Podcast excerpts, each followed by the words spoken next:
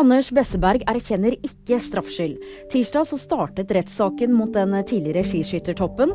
Han er tiltalt for grov korrupsjon fra tiden som president i Det internasjonale skiskytterforbundet. Han risikerer en fengselsstraff. Strafferammen her er jo ti år. Eh, så skal det sies at det er strafferammen. Eh, det er ikke sikkert det kommer opp dit i nærheten av det hvis det blir en dom. Anders Behring Breivik vitner i retten tirsdag.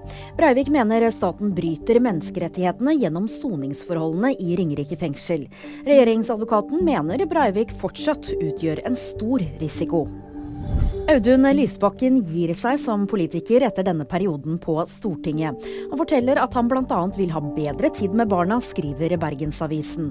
Samtidig så sier den tidligere SV-lederen at han ikke vet hva han skal drive med. Mer om det og andre nyheter får du alltid på VG.